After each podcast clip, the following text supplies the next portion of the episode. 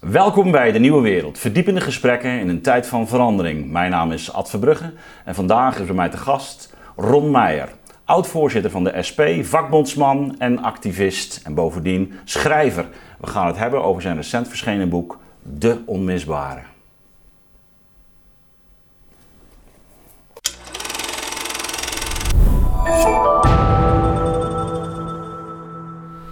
Ron, welkom. Dankjewel. Je hebt een lange reis achter de rug. Ja, vanuit Zuid-Limburg naar Leiden, dat is een stukje. Ja, alle globalisering ten spijt blijft heem nog wel een rol spelen. Hè? Absoluut. Ja, ik, uh, je kunt nooit in het leven zeggen nooit, maar de kans dat ik uit uh, Heerlen, uh, Zuid-Limburg vertrek, is niet zo heel erg groot. Nee, ik hou van de stad, de streek en ik voel me thuis. En dat, we houden er niet van om heel vaak in de Randstad te werken. Dus die luxe die heb ik, dat het kan. Ja, prachtig. Ja. Uh, ik heb je boek gelezen, ik was uh, blij verrast en uh, ik zat af en toe echt met een brok in mijn keel. En ik kom, kom, zelf uit Zeeuws-Vlaanderen, dat is ook, nou ja, toch, laten we zeggen, de, de, de periferie, hè, de rand van Nederland. Ja. en van daaruit ja, beleef je denk ik ook Nederland anders dan wanneer je in, in de Randstad leeft en, en, en, opgroeit. Dus ik, ik herkende veel. Ook uh, dat, dat nou, een beetje toch dat periferiegevoel ook, wat, wat erin zat. Uh, een enorme uh, betrokkenheid ook in het, in het hele boek. Ehm, en een woede. Die, en die horen bij elkaar. Want ja. je, je, bent boos omdat ja, dingen je aan het hart gaan. En uh, nou ja, je hebt je leven eigenlijk wel in, in, in, in dienst gesteld van ja, datgene waar dit boek ook voor een belangrijk deel ook over gaat, de sociale klasse, hè, ja. die uh, van de onmisbare. Ja. En toen ik het las, toen uh, schoot me eigenlijk ook een frase uit de archetypische psychologie uh, te binnen. En die luidt ongeveer als volgt. iedere zoon erft de wond van zijn vader. Mm -hmm. En uit die wond zal die ook baren. En ik denk uh, dat jij dat wel herkent. Zeker. Nou, je zegt, je zegt um, dat het, uh, het leven ten dienste gesteld aan. ik zou een stap, stap verder of een stap terug willen gaan. Het is, mijn leven is gevormd in de sociale klasse waar ik over schrijf. Ja. Uh, en inderdaad, daar uh, de, de, wond van, als ik mijn vader ook mag verbreden tot mijn ouders. Ik schrijf in het boek een hoofdstuk, uh, dat heet kop, ehm, kapperskoffer. Ja. Um, dat is de kapperskoffer van mijn moeder. Die wilde graag kapper worden. komt uit een, een katholiek gezin en mijn opa's en oma's, opa's en oma's aan, de opa en oma aan mijn vaderskant, um, daar kwam de pastoor zoals de pastoor in het voormalig katholieke, de voormalig katholieke mijnstreek mag ik wel zeggen, dat af en toe deed. Um, eh, namelijk toch wel enigszins aandringen op uh, nieuwe zieltjes. Nou, aan de ene kant, aan mijn vaders kant, uh, stond mijn, mijn, oma met een bezem klaar. Dus die, die stuurde hem weg, zou ik maar zeggen. Aan de andere kant waren mijn opa en oma wat gezagsgetrouwer. En die zouden uiteindelijk tien kinderen krijgen. Dus mijn vaders kant twee kinderen. Mijn vader en mijn tante en mijn, uh, mijn, mijn moeders kant tien kinderen. vijf ooms van mij en mijn moeder en vier tantes. En waarom vertel ik dit? Omdat mijn moeder was in het grote katholieke gezin. Ja, daar was geen geld voor, voor heel veel franje en fratsen. Hè? Dus mijn moeder wilde kapper worden, maar er was geen geld. Nee, want wanneer is zij geboren? Welke in 58. 58, 58 ja, ja. ja. Dat is dus, de leeftijd van mijn zus, ja. Ja, dus zij wilde uh, ja, zich tot kap, kapper ontwikkelen. Uh, dat kon niet, want er was geen geld voor. Alleen deden mijn opa en oma niet, uh, waar overigens veel voor te zeggen valt. Maar, um, dus mijn moeder kon geen, geen kapper worden. Werd daarna later in haar leven schoonmaker en, en thuiszorger. en dat, zeg maar, ik schrijf in het boek dat um, het kapperskoffer, dat slaat dicht. En dat, ja, dat draag ik mee. Dat is bijna letterlijk, weliswaar niet vader, maar moeder in dit geval... De wond die je, die je meedraagt. En overigens zou ik dat helemaal niet per se als, hè, in mijn geval is die wond al lang een litteken, dus die is, die is alweer dicht. En met een litteken zou ik zeggen, is niet zoveel mis mee. Sterker nog, dat maakt je stoerder. Uh, dat wijst je ook op ja, dat er ooit iets gebeurd is waar je op zijn minst meer ervaring door kunt krijgen. Dus ik beschouw dat helemaal niet iets als, als, als iets alsof zo ook niet hoe jij dat hebt ingeleid net, maar eh, helemaal niet eh, als een last of, of als iets dat zielig is, of je zielig maakt, maar in tegendeel als trots, als zelfbewust, uh, als eigenlijk enorme rijkdom. Ja. Nou ja, de, ehm, we moeten wond hier dan niet meteen verwarren met uh, het, uh, de ellende die uh, iedere, iemand is mhm. overkomen. Hè? Dus, mm -hmm. dus hoe het met ja. jongens en moeders zit, dat is weer een, weer een heel ander ja. verhaal. Hè? Ja. maar we, we, gaan, we gaan hier ook niet de archetypische psychologie als tot thema maken. Maar het heeft inderdaad ook iets productiefs. Hè? Vandaar ook die, dat idee van die, dat baren uit die, uit die, uit die wond. En dat, dat, dat voel ik ook in, jou, in jouw boek. Dat je nou ja, die, die situaties beschrijft waarin jij dus de formulieren aan het invullen ja, was. Uh, dat dan wel voor je vader. Hè? Ja, dus da daar komt al iets heel speciaals. Nou ja, ik, zat, dus... ik zat te filmen. Ik ben enorm fan van Ken Loach, de, de Britse ja. filmmaker. Mm -hmm. Mijn favoriete film van Ken Loach is Bread and Roses, omdat er ook een enorm optimisme in zit. Organiseren van schoonmakers. maar de film waar ik het meest woedend uh, het filmhuis of de, bioscoop uit, uitging, was I, Daniel Blake. Daniel Blake is eigenlijk mijn vader. die, die loopt vast in die, in die, in die bureaucratie van, van ja. de macht, van de overheid. dat was een timmerman, mijn vader was een, een koelmonteur. Nou, dat scheelt allemaal niet heel veel van elkaar. En daarin herkende ik precies mijn vader. Dus zeg maar, ja, dat, die, die, die, die, die herken, herkenning van, in dit geval die timmerman die vastloopt, dat had ook net zo goed de, de mensen uit de kinderopvangtoeslag uh, kunnen zijn. In dit geval was mijn vader die ziek werd. Die ziekte werd toen niet herkend en erkend. Um, en er werd over, toch een beetje, nou ja, schattend over gedaan. De man zou wel, het zou wel psychologisch uh, een probleem zijn. Terwijl mijn vader slipte, zou later blijken, gewoon veel sneller dicht dan, uh, dan, dan gezonde mensen doen. En kreeg dus hartinfarcten, herseninfarcten, allerlei andere ellende. En ja, dat, die, die onmacht, het onbegrip, hm. Uh, dat uh, de overheid niet zien als uh, ja, iets of iemand die zeg maar, klaar staat om een helpende hand toe te reiken op het moment dat het echt mis met je is. ook die kritiekeur helemaal niet hoort van mensen die het echt nodig hebben. Nou, dat is iets wat ik van jonge leeftijd gezien heb. En nou ja, het invullen van die formulieren, dat was voor mij volstrekt normaal. Want ja, ik deed autoneum. Ook al was dat pas twee autoneum, mm wist ik veel van formulieren. Maar uh, ja, dat, mijn ouders konden dat niet. Dus voor mij was het volstrekt logisch en normaal dat dat erbij hoorde. Uh, en pas na de hand ben ik me gaan, gaan realiseren dat dat inderdaad, hè, metaforisch gezegd, op zijn minst um, uh, een wond van hen naar mij zou kunnen zijn. En dat daar ook mijn intrinsieke motivatie om bedoel, als ik denk aan, als ik even moe ben, weet ik veel, het organiseren van een actie of een buurt of wat dan ook. En ik heb een keer een avond lang of een nacht moeten doorwerken, dan, dan schiet dit bij mij te binnen. Ja, wat, wat, wat, wat is dat nu in vergelijking met die wekenlange, maandenlange ellende die mijn ouders hadden, omdat ze alleen maar, ja, omdat ze zich voortdurend gewantrouwd voelden, terwijl ze niets anders deden dan, nou ja, een soort hartekreet um, ja, naar, naar het kunnen voeren van een, van een gewoon goed leven. Ook niet meer dan dat. Ja, wat ik me wel uh, bedacht ook bij, bij het lezen van het boek ook. Hè, dus dat je, je enerzijds een enorme ja, sympathie hebt voor uh, nou ja, die, uh, die, die, sociale klasse. Je beschrijft ook de buurt, zeg, zeg Zes wegen. Ja. Zes wegen, ja, zes wegen. Ja. waar je dan opgroeit aan de, de, de, overkant van het spoor, ja. hè, was het. Ja. Um, ik moest denken aan mijn eigen jeugd. Mijn, mijn vader is uh, ook, uh, ja, ik zou tegenwoordig zeggen, hij heeft een hele zware burn-out gekregen toen ik, uh, toen ik tien jaar was. Mm -hmm. Dus die ook, ook daardoor eigenlijk arbeidsongeschikt geraakt. En ik, nou, als ik dan terugdenk aan, aan, mijn eigen levensloop, is eigenlijk die, die gebeurtenis voor mij echt wat ze nou noemen zeg maar, een formatieve ervaring geworden. Ja, dus dat je ziet wat daar ja. gebeurt. En, nou ja, ook uh, hoe de werkgever daarmee omging. En, uh, en, nou, die, wij waren toch typisch een middenklasse mm -hmm. familie. Ja. Uh, en mijn moeder was ver, verpleegster. En nou ja, die, die kwam eigenlijk uit van het Zeeuwse platteland en had zich nou, weten op te, op te werken. Niet, niet zozeer dankzij de ouders per se, maar ook een ja. enorme eigen wilskracht, denk ik.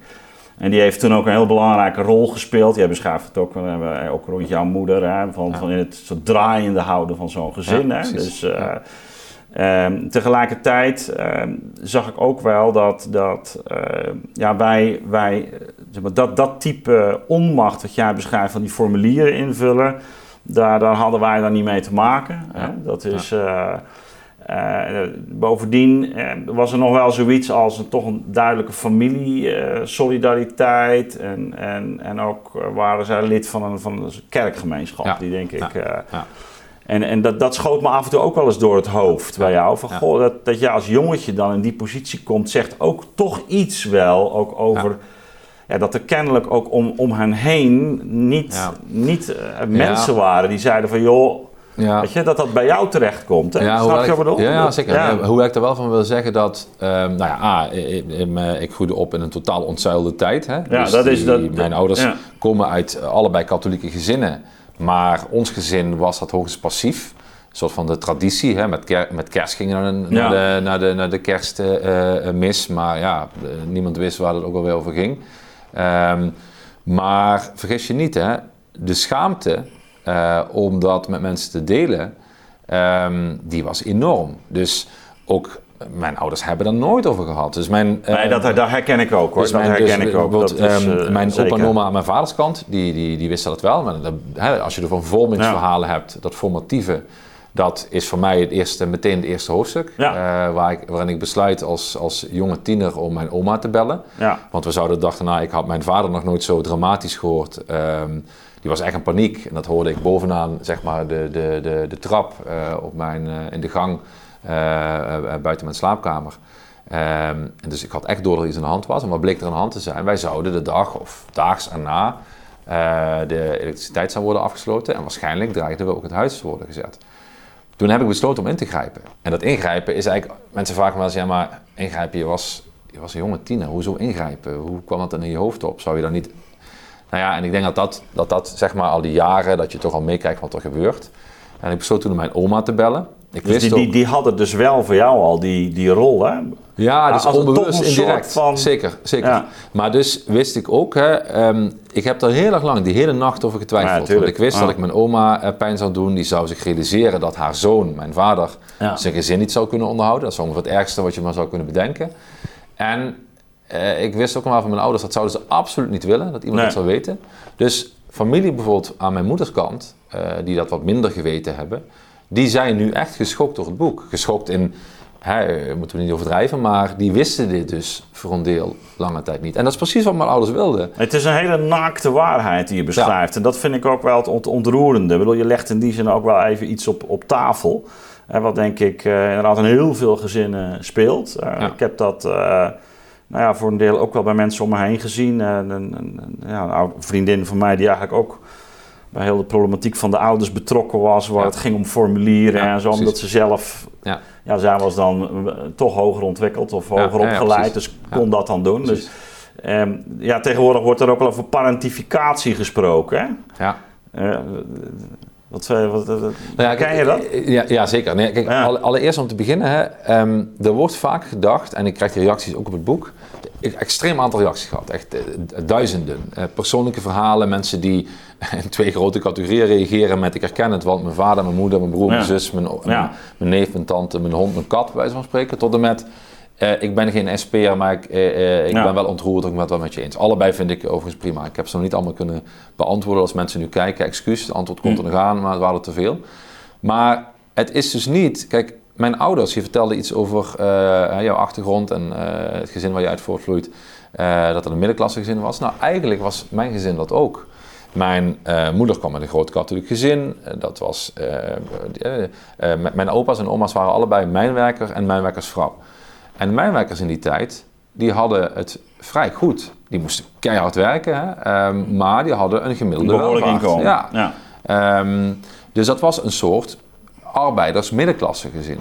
Mijn ouders waren ook voorbestemd uh, vanuit hun gezinnen om dat ook te worden. Alleen die groeiden op in dat heerlen van die, van die tijd na de ja, ja, dat beschrijf je ook, van die misère die dan... Uh... Ja, de heroïne-epidemie, uh, mag ik wel zeggen, die toen heerste. de enorme werkloosheid, sociaal-economische ellende. En daarin vielen zij eigenlijk eh, als het ware eh, terug, als je het zo mag noemen. Dus ik wil maar zeggen, dit gaat niet over een soort lompe proletariaat. Eh, dit is letterlijk één ontslagronde, eh, menig één in de middenklasse, is één ontslagronde eh, eh, van, van dit soort voorbeelden vandaan. En ik denk eerlijk gezegd nu nog ernstiger dan toen. Een deel van de sociale zekerheid die er toen nog was, is nu uitgehold. Mijn vader was dat net aan het begin. Mijn ouders zaten net aan het begin van de periode. De WHO, de WHO was net uh, uitgerold, uh, mede dankzij ja. Wim Kok. Daar komt ook wel voor een deel mijn, mijn als ik zeg haat-liefde, dan zit er nog wel wat meer, laat ik het hekel noemen. Haat vind ik een wat groot woord. Uh, voor de sociaaldemocratie in ons land. Um, die zit echt wel daar. Uh, dat is ook je valkuil geworden, geloof dat ik. Dat is ook mijn valkuil In de campagne. Dat, in de, zeg maar, als je het hebt over, ja. zeker, als je het ja. hebt over woede. Ja. Nou ja, ik heb dat nou, dat natuurlijk wel geanalyseerd van mijzelf. Ja, maar dat, uh, ik vind het ook wel mooi. Het, het, zit, het is heel persoonlijk. Hè? Dus, dus ook de, nou ja, toch de, inderdaad de woede jegens de hoge heren, om, om ja. het zo maar te noemen. En je beschrijft ook de, de, de, de dikkoppen, de, ja. het soort, nou soort sentiment. Um, maar dat, dat speelde natuurlijk in, laten we zeggen, de campagne Frans Timmermans destijds zeker. speelde dat op. Hè? Zeker, en, en zeker. dat is je natuurlijk ook uh, ja, nagedragen. Heeft je, ja, ja, goed, je hebt daar zelf conclusies aan verbonden toen dat... Er gelden een paar dingen voor. A, eh, ik, ik ben een fan van in ieder geval dat deel van het werk van bisschop uh, Augustinus, de bisschop van Hippo. Ja. Uh, waar die onder andere zegt, hoop heeft uh, twee prachtige dochters. Daar eindig je ook mee, hè? Ja, ja. woede over hoe het nu gaat en de moed om daar iets aan te doen. Ik, ik maak het nu wat simpeler, maar dat is ongeveer wat hij zegt. Wat ik daar mooi aan vind, is dat dus woede uh, net zoals moed, maar laat ik me even maar uh, ja. vanwege deze, deze vraag ook op woede richten, vloeit dus voor uit hoop. Dus het is niet, het is geen drie nou ja, je, legt, je legt je er niet bij neer en je hebt een Nee. beeld over hoe het beter moet. Nee, en, en- ja, nee, en nee. een waarde waar je Precies. voor staat, waar je Precies. voor wil vechten. Precies, daarom ben je woedend. Ja. Dus er is dus, er zit dus hoop achter. Mensen die, die, die niet, niets meer geloven, die cynisch zijn geworden, zijn dus ook niet meer woedend. Die zal het allemaal aan hun spreekwoordelijke Maar eh, ik denk, dat, ik denk dat dat een overeenkomst is. Ik bedoel, dat eh, ook eh, de, herkenning die ik in dat boek had, dus dat van, als je vanuit zo'n situatie opgroeit en eh, een bepaalde rol krijgt, ook binnen een gezin. ehm, maar dat je natuurlijk een, ehm, ook het idee hebt van ik moet voor iets ik, ik Ja. moet hier de gein, ik moet het gevecht gaan leveren. Zeker, zeker. Weet je wel? Ik, En laat niet, dus ik ook- laat niet over me heen Ja, lopen. zeker. En daar Ja. zitten dus ook ehm, donkere kanten aan. Eh, die donkere kanten kunnen zijn dat, eh, nou ja, die, die, zeg maar, die geeft mij ook energie. Maar dat is, het, dat is een, een medaille met twee kanten. En die energie kan ook echt tot woede leiden. Ik ben helemaal niet agressief, nooit. En eerder pacifistisch dan agressief. Maar potverdorie. Ja. Ik, heb dat, ik heb dat nog meer met, laat ik maar even heel zwart-wit zeggen, de verraders. Hè? Zij, waar mijn, oud, mijn vader bijvoorbeeld heeft eh, tot diep in de jaren tachtig Partij van de Arbeid gestemd. Wel Ja, ja, ja, voederend, ja. maar die, die was, zou ik wel zeggen, een fan van Wim Kok. Zeker omdat die, mijn vader was ook vakbondslid, is dat nog steeds, is dat altijd ook gebleven. Ehm, en die voelde zich verraden. Die voelde zich echt persoonlijk verraden door eh, mensen waar hij alle vertrouwen in had. En ik snap dat. Kijk, je, je, eh, eh, ik denk dat weinig mensen, weinig thuiszorgers zich verraden voelen door Rutte. Dat, dat wist je al, dat, dat is je Ja, tegenstander, ja. zeg maar. Maar als degene uit jouw eigen team je verraden, dat is natuurlijk, dat is natuurlijk veel pijnlijker. En dat is, Het is een zwaar woord wat je inzet. Ja, dus het geeft, klopt. ook, het geeft ook inderdaad nogal wat aan. klopt. En Nou ja, daarom, ik, bedoel, ik heb zelf ook wel, eh, bijvoorbeeld in tijd van onbehagen destijds, Ja. eh, eh, gesproken over dat, dat, wat er nou in de jaren negentig is gebeurd. Hè. Voor mij is, hangt de hele opkomst, gaan we het ook zo nog wel over Ja. hebben, van Fortuin echt ook samen met nou ja, de koers die onder andere de PvdA is, Ja. is gaan varen. En de derde weg, Tony Blair, Ja. toch, toch een soort van ja, socialisme dat gepaard werd aan, aan de markt. Ja, wat de facto eigenlijk het Ja. socialisme uitholde en heel Ja. dun maakte. En wat dan, ja, denk ik, als klap op de vuurpijl in het nieuwe millennium bijna werd eh, gesymboliseerd ja, door die, die bekende eh, overstap van, eh, van Kok naar, naar commissaris van de banken. hè. Ja, ik bedoel, ja, hij had precies. eerst al de ideologische veren afgeschud. ja. En, en vervolgens, en, en dat is, dus als ik jou ook hoor, kijk, ik, voor mij is dat nooit diep gegaan, snap je? Ik, ik, ik kijk ernaar, ik voel het wel, maar ik ben, zoals even uit mijn christelijke, iets meer communitaristische huizen, Ja, nou, had ik daar al niet zoveel. Snap maar, maar bij jou bij jou voel ik dus die woede daarover. Hoewel ik dat wel allemaal natuurlijk pas achteraf analyseer. Hè? Ik bedoel, ik kijk erop terug en dan zie ik wat er gebeurt en gebeurd is. Nee, maar En je hebt dat- verhalen van je vader gehoord. nee, zeker, Ik bedoel, zeker. Dat sentiment bij je vader, dat... Zeker. dat Zeker, nee. En, heb je en, gevoeld. ah, maar een, Ja. een mooie anekdote is dat mijn vader vond zichzelf altijd, en ik weet niet of hij dat nog steeds vindt, maar ik lach hem inmiddels hard uit, want hij vond zichzelf altijd politieker dan mijn moeder. Maar mijn moeder was de eerste in ons gezin die SP stemde. Dat kon ook in Heerlen, want de SP was heel actief. die durfde de stap te zetten. Jan de Wit kwam langs de deuren. Eh Heerlen had, eh, vlakbij de buurt waar ik opgroeide, was een, eh, een, een, een gedoogde, gedoogzone voor, gedoogzone voor eh heroïneprostitutie. Ja.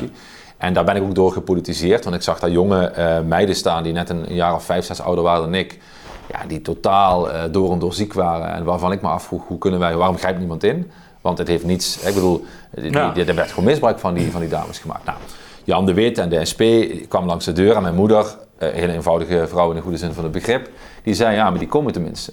Dat zijn er van ons. Ja. Eh, en dat idee dat, ehm, dat zijn er van ons. Hè, dus ik denk dat wat, wat men bij de, in de Sociaaldemocratie, bij de Partij van de Arbeid echt volkomen onderschat heeft, is dat alleen al die, zeg maar, die, die uitspraak, de, eh, dat, die, dat idee van het afschudden van de ideologische veren, dat hebben mensen gehoord op hun eigen manier. Wat mijn ouders daardoor gehoord hebben, denk ik, niet letterlijk, ik heb daar nooit toen met ze over gediscussieerd, maar wel degelijk, ja, dat is dus niet meer onze club.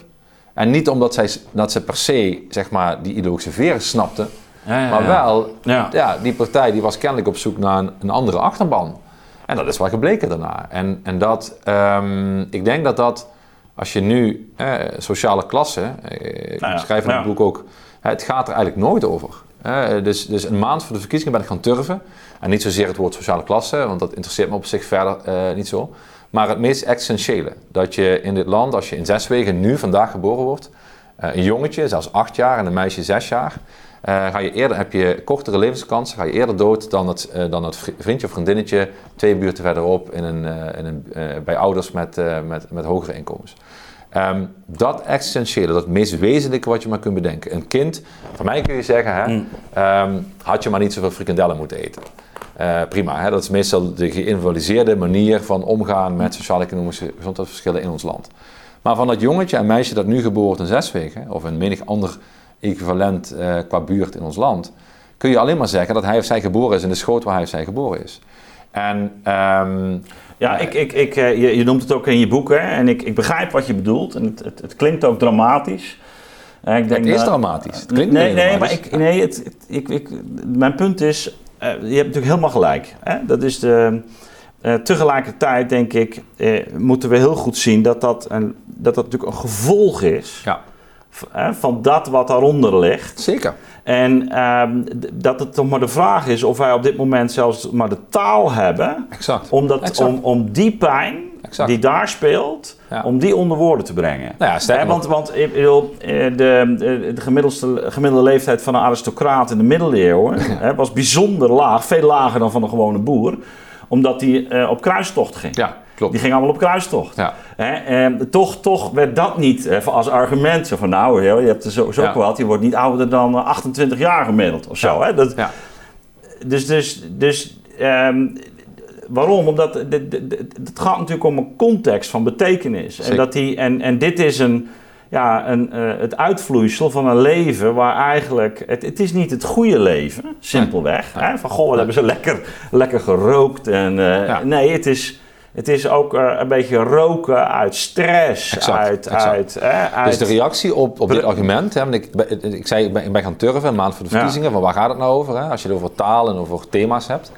En ik had net zo'n jaar kunnen turven, Ja. maar een maand voor de verkiezingen mag je verwachten dat het over belangrijke dingen gaat aan talkshowtafels. Nou, het ging wel over de platte neus van de hond van Gordon, Ehm, eh, Ja. ook belangrijk, maar het ging niet over dit soort wezenlijke zaken als simpelweg Maar ook, eh, ook verheffing. Ook verheffing. En verheffing, ook, precies. verheffing, ook Ja. vorming. Ook Klopt. zelfbeheersing. Ook Klopt. discipline die Klopt. niet is bijgebracht. Hè, waar je niet Exact. de omgeving hebt. Maar daarom zeg ik ook helemaal niet, ik, je zult mij nooit horen zeggen dat er dus niet, onderzoek naar onderzoek, laat ik anders zeggen, het toont aan dat mensen met bescheiden inkomens domme, eh, ongezonde individuele keuzes maken. Maar dat zijn wel domme, individu- eh, ongezonde individuele keuzes binnen een sociaal kader. Hè? Dus stress bijvoorbeeld, ik herken dat zeer. Ik had nog nooit gehoord van het begrip groene vingers. Hm. Eh, ik dacht, groene vingers? Gele vingers. Die herken ik. Die Ja. had mijn vader Ja. van de nicotine. Die Ja. rookte namelijk als een ketter. Ja. Dus als ik zeg, ja, mijn vader heeft kapotte longen en kapot hart, dan is, is het voor een deel te wijten aan zijn eh stofwisselingsziekte. Maar voor een deel ook zijn COPD. Ongetwijfeld voor een deel aan dat roken, dat doet hij al lang niet meer, maar dat Ja. hij rookt als een ketter. Dus, Maar waarom deden ze dat? Dat was een letterlijke nicotinegordijn om je af en toe achter te verschuilen van opnieuw stapels aan, aan ellende, ja, aan, vormen van, vormen en van troost, escapisme. Es- ook, ook, exact, eh, ja. Maar inderdaad, denk ik ook, het, het, het ontbreken dan toch van een, een omgeving waarin dat ja, toch, toch eh, ergens wordt afgeremd. Ja, hè? maar, dat- maar dat, je zei daar eerder iets over. Het is toch een interessant eh, thema, ook historisch. Eh, ik, vertel, ik zei iets over die katholieke, eh voormalige Ja. katholieke streek. En wat ik wel echt fascinerend vind, is ehm, wij, wij kijken in Nederland, voor een deel terecht, maar die daar naar die verzuilde tijd zoals die ooit was. En nogmaals, voor een deel echt wel terecht. Want die verstikte, hè, de Ja, ja, pastoor die langs de deur kwam, sloeg allemaal nergens op. Hè? Die, die macht van de katholieke kerk en hoe er, eh, alleen al hoe mensen wel of niet in een woning kwamen. Als er dan protestantse, eh, protestantse eh, mijnwerkers waren en die hadden eh, een katholieke eh, wederhelft. Ja, twee geloven een kussen, daar slaat de Ja. duivel tussen. Die Ja. kwamen niet aan een woning of niet aan werk. nee, ja, Bizar, nee, hè? precies. Maar aan de andere kant had je ook nog, en dat zijn we volkomen kwijtgeraakt, de katholieke directeur voelde zich wederkerig met de katholieke arbeider. Dat was niet alleen maar een soort van barmhartigheid. Eh, laten we ons Nee. elkaar niks wijs, wijs maken. Dat was ook het eigenbelang. Want De- ja, die katholieke groep, arbeider, de eigen groep, en die katholieke arbeider, die raakte misschien wel geïnteresseerd in die rode zuil. Nou, dat was het allerergste wat je maar kon bedenken. Dus die verticale wederkerigheid in die zuil, die zijn we helemaal kwijtgeraakt. En Ja. dat is waar ik mijn ja, epiloog de- ook de- de- Precies, nee, dat is ook heel herkenbaar. Dat is volgens mij, we moeten in Nederland nog de balans opmaken van de gevolgen van die ontzuiling. Omdat wij Ja. natuurlijk van oudsher een land zijn geweest eh, van, eh, ja, we doen het zelf wel. Maar dat Ja. betekende allemaal groepen die zich organiseerden. Hè. Dat begon al in het verleden met de boeren en waterschappen en Ja. in de middeleeuwen. Ja. En, maar uiteindelijk hebben we in de 19e eeuw ook van, de staat moeten we niet hebben, dat doen we zelf wel. Weet je? Dat Precies. is dus...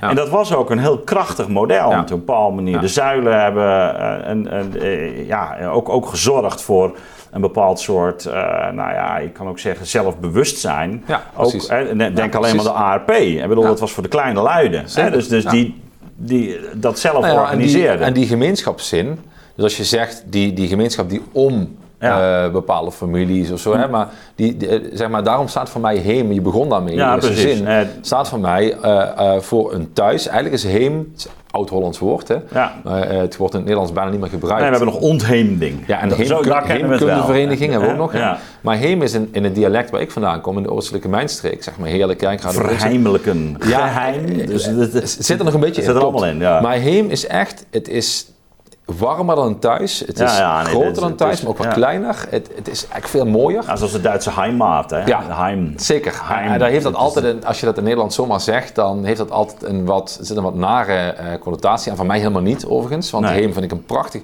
En wat is nou heem? Heem is daar waar je niemand aan zijn lot overlaat. Daar waar je altijd naar elkaar- omkijkt. En daar zit altijd weer het gevaar van verstikking. Dus je moet de, de luiken open hebben in je heem. Je moet ook durven te vernieuwen. Maar dat je niemand aan zijn lot overlaat, ja, dat is een consequentie van gemeenschapszin. En gemeenschapszin wordt vaak beschouwd als, als iets zweverigs, als iets vaags. Maar potverdorie. Ja, nee, Niemand maar aan zijn lot overlaten, dat is toch alles behalve vaak, zou ik zeggen. Ja, nee, je beschrijft dat ook eh, heel mooi. En ik, ik ehm, nou ja, la- laat ik met een paar dingen, want ik, Ja. ik, ik wil ehm, ehm, uiteindelijk ook wel hier wel weer op terugkomen, want ik, ik- dit is een heel belangrijk thema.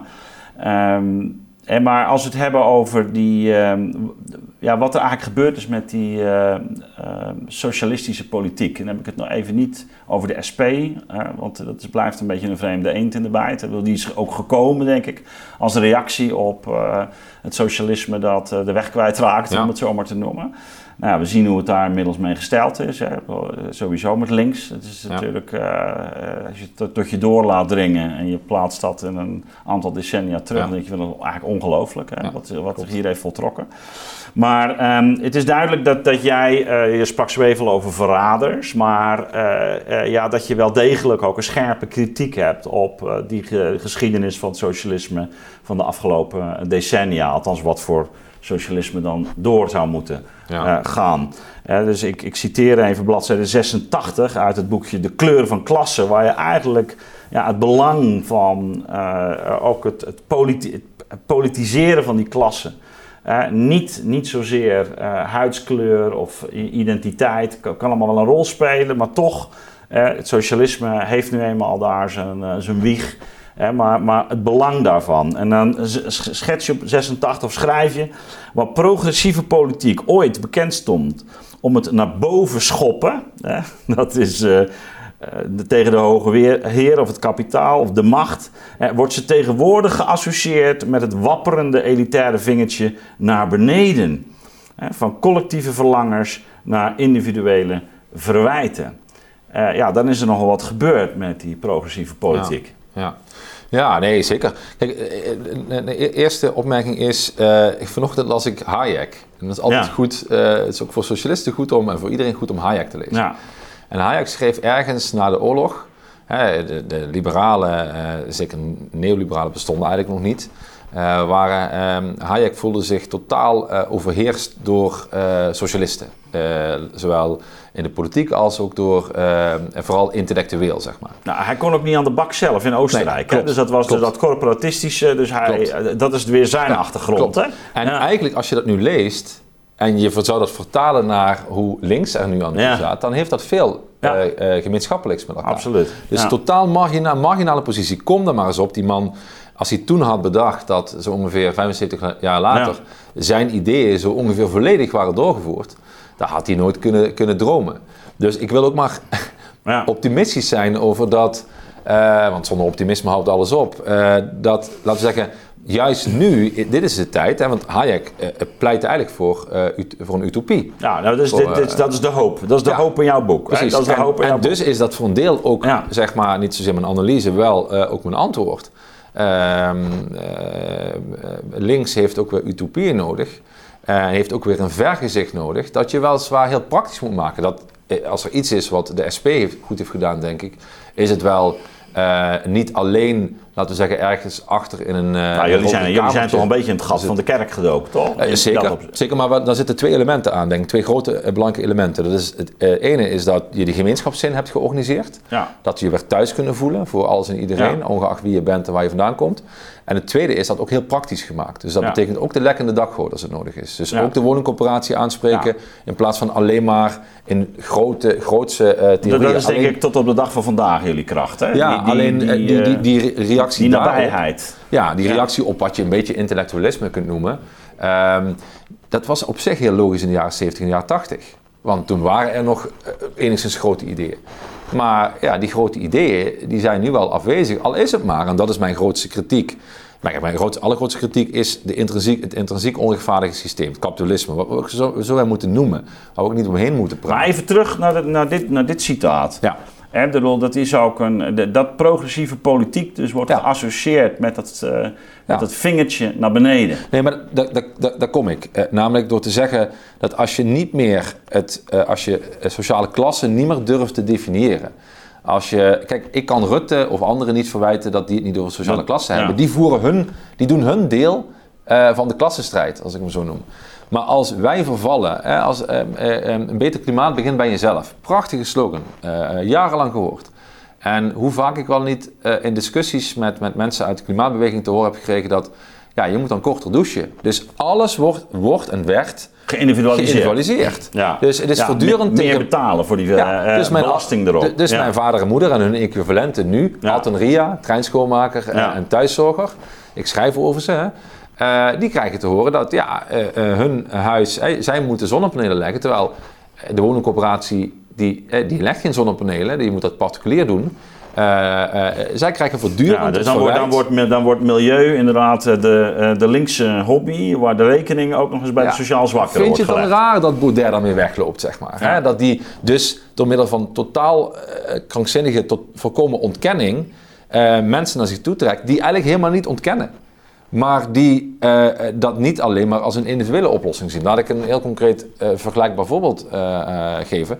Stel dat wij nou toen we de riolen aanlegden, 100 jaar geleden, stel dat we toen hadden gezegd, ja weet u wat, dat, meneer Verbrugge, dat is echt uw eigen verantwoordelijkheid. En we hadden overal individueel mm. wel of niet riolen aangelegd. Dat is een totale ja. bende geworden.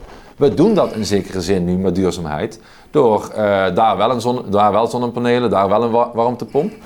Slechts een voorbeeld, want je kunt het op bijna alle facetten van het leven uh, kun je het bijna op loslaten. Dus wij zullen dat links zal weer uh, communitair, uh, collectief en ga eens maar door moeten worden. En dat betekent niet dat je ontkent dat er individuele verantwoordelijkheden zijn. Nee, het gaat erom, wat is nou, en dat is, daar is voor mij, hè, je citeert uit het, uit het hoofdstuk de, de kleur van klasse. Um, je hoeft bijvoorbeeld racisme en, discriminatie helemaal niet te ontkennen. Er zijn allerlei vormen van uh, uitbuiting en die moet je allemaal bestrijden. Maar er is wel een, een zoektocht naar een grote gemene deler. Nou, en voor mij, wat mij betreft voor socialisten, is klasse die grote gemene deler. Ja. En wat er gebeurt is, is dat klasse volkomen ontkend is en, en als nou ja, dat, dat, dat, dat, links, ik bedoel, dat is natuurlijk ook een van de, van de grote thema's nu in, eh, in de Verenigde Staten, waar de identiteitspolitiek eigenlijk eh, de overhand heeft gekregen. Eh, binnen de Democraten. En dat een, laten we zeggen, een heel aanzienlijk deel van de traditionele arbeidersachterban nu voor het eerst eigenlijk in, hun leven, de laatste vijf, vijf jaar, uh, opgeschoven zijn naar, naar Trump. Omdat die uh, het heeft over het outsourcen, over de industrie die naar China vertrekt, over het terughalen van, nou ja, ook over de eventueel de bedreigingen die met uh, migratie gepa gepaard gaan. Ik bedoel, dat, dat heeft natuurlijk wel iets, ook als je dat ziet, denk je van ja, je hebt dus ook echt een agenda laten liggen die, uh, nou ik denk voor een deel ook door uh, mensen als Wilders bijvoorbeeld of, of Baudet wordt opgepakt. Zeker. Maar ook, ook niet uh, ten onrechte. Zeker. Nee, kijk, allereerst, hè, het meest tragische is dat in de VS, maar overigens, we, we doen altijd alsof het zo ver weg is, het is ook al hier, um, gaan de meeste arbeiders, als ik het zo maar even mag noemen, helemaal niet stemmen. Is, het is, nog, dus nog veel ernstiger dan dat. Hè? Um, uh, in mijn eigen zeswegen, uh, het is nog steeds mijn, mijn buurt, ik woon weliswaar een buurt verder nu, nog steeds aan de achterkant van het spoor. Wat een fascinerend begrip blijft, want als je het letterlijk neemt, is het nogal afhankelijk van waar je geografisch bevindt. Hè? De andere kant van het spoor, achter het spoor, maar iedereen weet wat je ermee bedoelt. Uh, maar in mijn oude buurt Zeswegen, daar gaat al verkiezing op verkiezing op verkiezing. Alle verkiezingen zou je nog kunnen zeggen, waterschapsverkiezingen snap je dat. Europese verkiezingen weten dat ook al heel erg lang. Alle verkiezingen een minderheid stemmen. Dus een meerderheid van de mensen in Zeswegen gaat al uh, van alle vijfde verkiezingen die we in een, in een cyclus hebben, gaat uh, een meerderheid gaat niet stemmen. Nou, dat, is, die, dat vind ik nog ernstiger. Ja, nog veel ernstiger. Die geloven er niet meer in. Ja, en dat vind ik nog veel ernstiger. Dus, dus uh, ben ik blij als iemand uh, Wilders stemt? Nee, absoluut niet. Ik hoef niet uit te leggen waarom ik daar niet blij mee ben. Maar ik vind het nog ernstiger als iemand niet gaat stemmen. Omdat je dan eigenlijk keer op keer op keer structureel, in sommige gevallen al 30 jaar, dan heb je dus de democratie in zekere zin opgegeven. Snap ik dat? Ja, dat snap ik. Want als het systeem niet voor je werkt, waarom zou je dan nog geloven in dat systeem? Dus Um, uh, als, uh, als, als uh, sociale partijen, socialistische partijen, communitaire partijen of maatschappelijke organisaties, inclusief de vakbeweging, mijn eigen vakbeweging, hè, waar ik mijn hele leven lang lid van zal blijven, nou ja. als die dat niet invult, ja. dan moet je niet eraan opkijken dat mensen dus, ik bedoel, ik, ik, ik schrijf in het boek, als wij het niet, als wij mensen niet verbinden, als wij niet die gemene deler vinden, die wat mij betreft sociale klasse is, dan is het niet zo raar dat Wilders deze mensen zal voldelen. Nou, over, over communitaire partijen gesproken. Er is nog, ook nog een hoofdstukje aan uh, Pieter Omtzigt uh, gewijd in je boek. Ja. waar je met, uh, met nou ja, toch ook wel bewondering over spreekt. Zeker. Ehm, maar het, bedoelt, we zien nu hoe het CDA onttakeld raakt. Hè? Dus, dus, nou, kijk, over het CDA ehm, kunnen we redelijk kort zijn, denk ik. In die zin dat ik, ik, ik prijs Omtzigts moed. Ehm, zijn ongekende moed tegelijkertijd, hij, bedoel, hij, zit in de, in de, hij zat in de buik van het beest. Ja, dan weet je dat je ergens verteerd zult worden. Dat is wat, precies wat er gebeurd is. Uh, zegt iets over die partij. En tot op zekere hoogte, uh, tot mijn spijt, in die zin dat het CDA heeft een in zekere zin prachtige sociale communitaire vleugel. Die is nooit op enig moment ook maar in de, ver, de verste verte niet in de buurt gekomen van enige dominantie en echte invloed. Dat zegt, zou die mensen ook wel moeten zeggen. Eh, maar het is wel zonde, want uh, daarmee um, ja, is het CDA al die tijd, en het gaat volgens mij ook helemaal niet veranderen. Uh, omzicht had het kunnen veranderen, maar ja, die kans heeft het CDA laten lopen. Um, ja, is het gewoon een rechtsconservatieve partij die qua... Ja, niet eens, niet eens echt hoor. Ik bedoel, kijk, de, de vraag is natuurlijk ook allemaal hoe je die termen... Maar ze zijn hoe je die, Ja, hoe je die termen definieert. hè? Dus, dus ik denk dat links en rechts inmiddels sowieso eigenlijk achterhaald zijn om de de volledige dynamiek te, te, te, begrijpen. Hoewel ik die, die kapitaalkritiek van jou nog in grote mate deel. Ja. Ik, ik, ik, ben zelf geen socialist, maar ik heb wel een bijzondere, een communitaire, nou ja, zeg maar, affiniteit. En, en dat maakt dat ik ook wel enige verwantschap voel, ook, ook met de SP. Ja? Dus van daarom is wat ik wat CDA zei, misschien wel interessanter dat het eerder een, dat ze eerder, zeg maar, richting liberale. nee, dat, dat, dat is het. Dat is het. Dat zelfs rechts kan natuurlijk een, een soort gemeenschapsdenken zijn. Ja, dus, maar, maar goed, e- even, even, even los daarvan. Um, ik, wat ik een, een, fascinerende lijn vind, en we hadden het er ook al, en het zit ook in je boek, hè, maar het, het, het, dat je dus zegt, kijk, die, die, die oude zuilen, die hadden dus in ieder geval nog als voordeel dat er een vorm van verticale solidariteit bestond. En ik heb toevallig uh, een paar, paar, weken geleden samen met Jelle van Baardenwijk en, en um, Willeke Slingerland een een, een, een, artikel geschreven. Dat ging eigenlijk ook over die opkomst van die netwerksamenleving. Maar waarin dit, dit eigenlijk ook een, eh, een thematiek is. Dat eigenlijk die democratie ook in zijn representatieve structuur uh, onder druk staat. Ook sociaal. Nou, dat zie ik ook echt in jouw boek. Hè? Dus op allerlei niveaus. Dat zelfs binnen de vakbond. En dan hoor je jouw vader. Die, het is ook mooi, je, je schrijft het ook heel persoonlijk. Hè? Je, je, je schrijft het voor hen, je schrijft het aan hen. dus je hebt het over je moeder en je vader, maar dat je dat je, je vader dan weer hoort antwoorden van... Ja, dat, eh, eh, eh er komt een manager nu bij de bond. Hè? En een, uh, ja, hij zei tegen me, het is fascinerend, hij zei... Ik, ja, we hebben een recht voor de raap relatie met elkaar, hè? mijn vader en ik...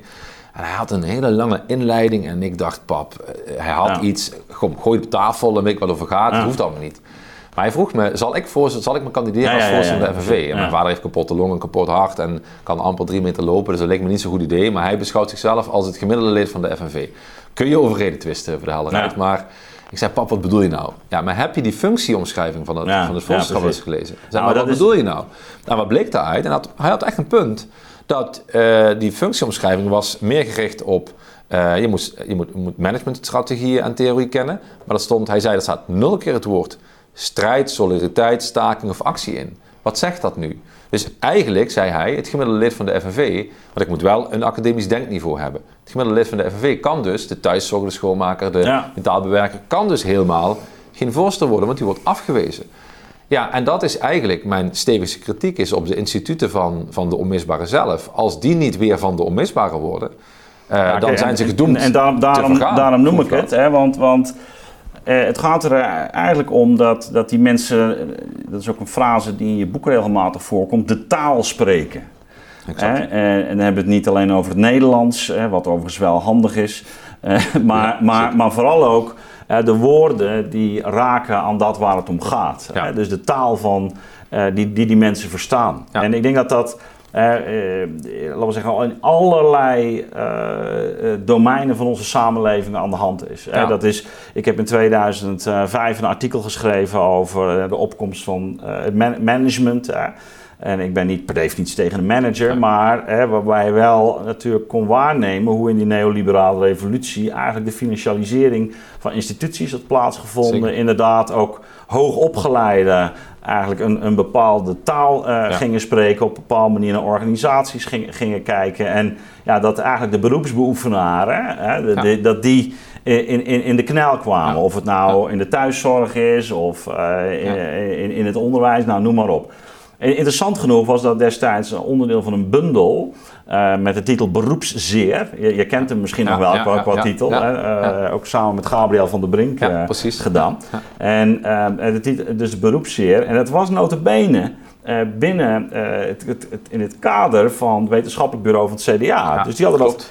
Vervolgens is de, degene die de redactie, Thijs Jansen, voerde over dat die, die die is eigenlijk op, straat gezet. ja, precies. Ja, dus, uh, want, die gaat trouwens wel nog steeds meer door, hè? Ja, ja, ja. nee, ik ken Thijs goed. Die zit ook bij ons bij Centrum Ethos. Dus uh, wij hebben nog steeds heel veel uh, contact. Of we werken eigenlijk ook nog steeds samen. Dus, maar dus even, dus dat, dat, en dat is die thematiek van dat je dus ziet dat op die ja, domeinen van werk, organisatie eigenlijk die vervreemding, ja, precies, ontheemding, precies, dat, is dat de ont, ontheemding eigenlijk daar al plaatsvindt. En, ik vind ook dat eigenlijk een, beetje de lijn in jouw boek. Het, het, alsof En ik denk dat dat echt een hele fundamentele problematiek is waar we veel te weinig over nadenken. Dat we, dat we inderdaad, dat er geen elite meer is Ja. die nog voeling heeft klopt. met waar het eigenlijk eh, waar het de mensen om gaat, Ja. die, nou ja, in dit geval, die misschien wat lager opgeleid zijn, of die wel degelijk hoger opgeleid zijn, maar zoals leraren, zo maar een Ja, beroep zeker. uitoefenen. Eh, alsof die, die ontheemding. Nou ja, kijk, het, thema van deze tijd is volgens mij echt in, in alle eh, discussies is, erbij horen. Hoor ik er wel of niet bij? En, en laat ik een heel concrete eh, ehm, kwestie op tafel gooien, waar, waar volgens mij dit allemaal in zit. Ehm, DSM. Ehm, Dutch State Mines, voor helderheid. Voormalige staatsmijnen, dus ik weet daar nogal wat van. Mijn oma heeft nog het hoofdkantoor van de staatsmijnen eh, gepoetst als schoonma schoonmaakster. En DSM heeft al 120 jaar het hoofdkantoor in Heerlen staan, eh, wat ooit het centrum van de Ja. mijnstreek was. En dat was ook heel logisch in al die tijd. En ehm, DSM is natuurlijk al lang niet meer het bedrijf eh, van, van de mijnen en van de eh chemo-toestanden. het is al lang een totale voedings, op voeding gericht, Ja. noem maar op. Maar na 120 jaar besluiten zij weg te gaan. En eh, uit, met hun hoofdkantoor uit Heerlen. Ze besluiten naar Maastricht te gaan. Je zou kunnen zeggen, eh, vanuit, eh, vanuit Leiden bezicht, eh, we bekeken 25 kilometer verderop, waar Ja. gaat dit over?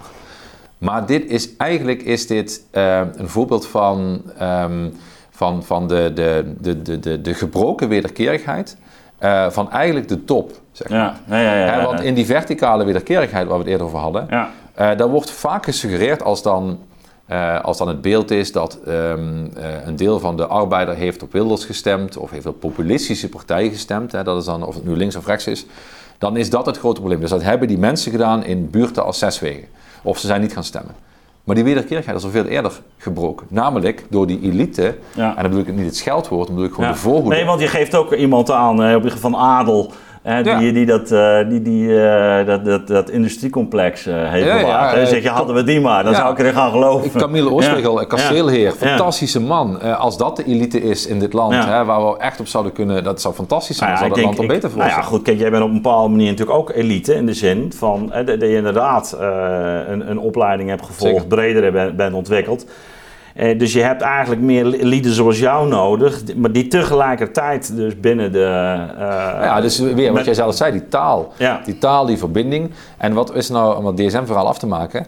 Kijk, DSM zegt, ehm, eh, we willen een, een, een ehm, community-based huppelepup. Ja, ja, eh, bij dat, al de- dat, dat hoort bij- wel een mooie, mooie Engelse frase ja. Flexplekken, duurzaamheid. Nou, duurzaamheid, eh, eh, wij hebben in een hele mijnwater. Dat is dan het eh, koud, koud water en warm water eh, Ja. uit de mijngangen. Dus ze gebruiken allemaal argumenten die totaal, in goed Ja. Nederlands gezegd, kwatsch zijn, zeg maar. Ja.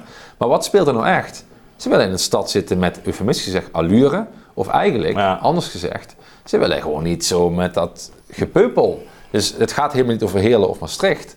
Het had net zo goed, ze waren ook vertrokken als ze in Witte Vrouwenveld, een arbeidersbuurt in Maastricht hadden gezeten. Ja. Zij willen gewoon niet omringd worden met hun managersklasse door, eh, ja, door thuiszorgers en door schoonmakers en noem maar op. Dus wat ze daarmee doen, en daarom is het symbolisch, niet alleen voor DSM, maar voor die hele CEO en bestuurskla- eh, bestuurs- Ja, en die, die, die trekken zich terug. Die willen helemaal niets met de samenleving. Die willen niks met de gemeenschap. Ja. Die zeggen Ja. nu letterlijk tegen Heerlen, maar hè, ereschuld? We, we zijn toch 120 jaar in die stad geweest. Hebben we niet voldoende die ereschuld ingelost?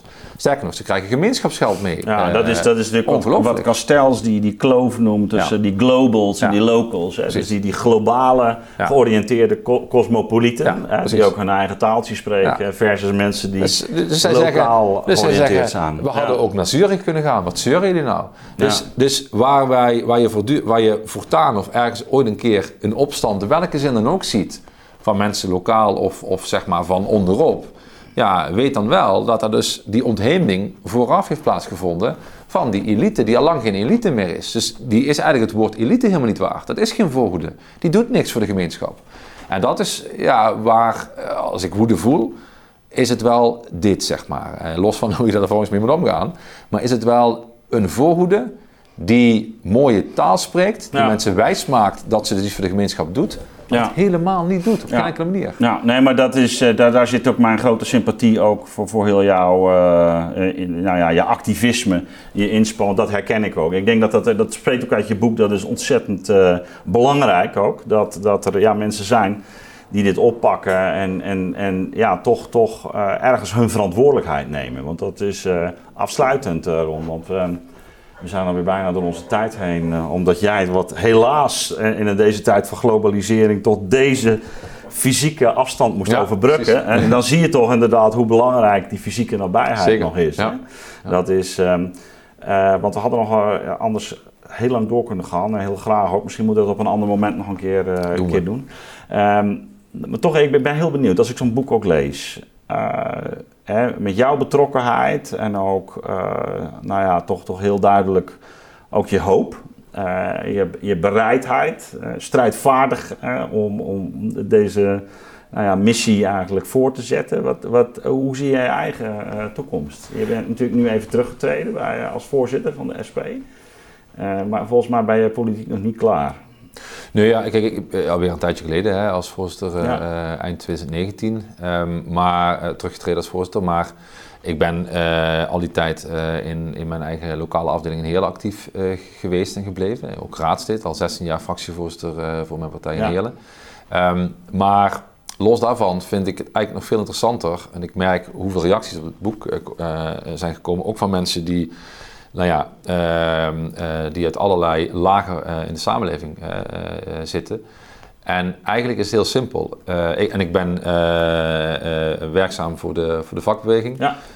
Um, het is eigenlijk heel simpel. Ik wil graag samen met iedereen die ook vindt dat dat meest essentiële resultaat van alles wat, wat jij eerder zei als, hè, dat is het de oorzaak, gaat daar een Ontheemding. Ontheemding en uiteindelijk dus ook zes, zeven, acht jaar eerder doodgaan ja. uh, als je geboren, levens, korte ja. nee, dus die, ja, die, die, Iedereen, of dat nu Pieter Omzicht is, of het is, uh, weet ik veel, een partijgenoot van mij bij de SP, of het zijn uh, zelfs PvdA'ers, zou ik maar zeggen. Uh, Er zijn ook heel, heel veel hele goede. Ik ben een groot fan van Kim Putters, om maar eens iemand te noemen. Uh, ik was een paar weken geleden nog bij Jan Terlouw, uh, die mm. toch ook weer een heel andere categorie politieke kleur heeft. Maar al deze mensen zeggen in minder of meerdere mate: dit is zo ontzettend onrechtvaardig in een enorm rijk land, daar moeten we wat aan gaan doen.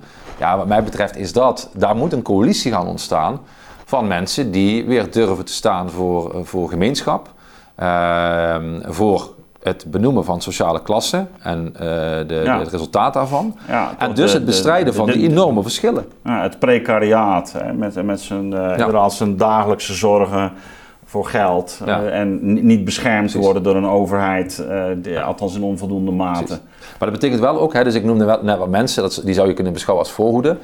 Maar het begint altijd met de mensen waar het om draait. Als die, als die niet. Hè, dus, dus ik zal mijn hele leven, ik weet niet wat ik allemaal wel of niet nog ga doen.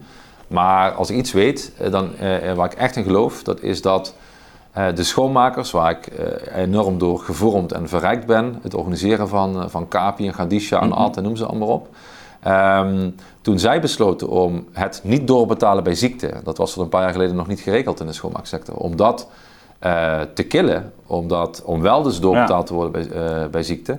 Uh, en ze dus met duizenden de straat op gingen en allerlei acties organiseerden. Ja, dan ontstaat er een, een chemie, een gemeenschap, een heem, mm -hmm. die helemaal niet te verslaan is. En dat zal ik mijn hele leven lang, denk ik, sowieso blijven doen. En dat is het fundament waarop die mensen die ik eerder noemde bijvoorbeeld ook weer gestuurd worden om hun intellectuele ideeën ja. goede kant op te sturen. Nou, ik dank je in ieder geval hartelijk voor, uh, voor dit boek en ook voor je komst uh, naar uh, Leiden. En, Dankjewel. ik hoop dat we dit gesprek binnenkort nog een keer kunnen voortzetten. Gaan we zeker doen. Dankjewel.